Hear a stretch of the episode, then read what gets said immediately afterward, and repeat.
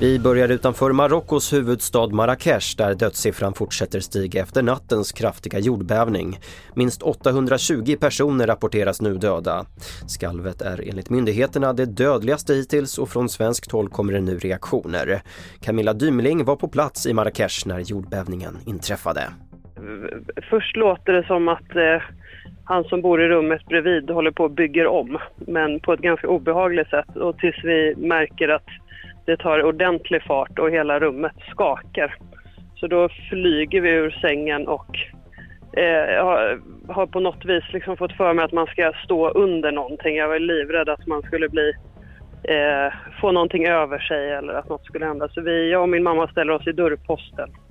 Eh, och eh, det håller i sig rätt länge. Det skakar säkert ordentligt i 30 sekunder. Den terrormisstänkte Daniel Abed Khalife har gripits efter att han flytt från fängelset i Wandsworth i London, rapporterar Sky News. Han har varit på rymmen sedan i onsdags. Fler döda vildsvin har hittats i det avspärrade området i Västmanland, det rapporterar SVT. Samtidigt kommer rapporter om ett dött vildsvin som hittats utanför Katrineholm i Sörmland, långt utanför det avspärrade området. Dödsorsaken där är inte klar men prover har tagits för att säkerställa dödsorsak. Fler nyheter får du på tv4.se och i vår app TV4 Nyheterna. Jag heter Albert Hjalmers.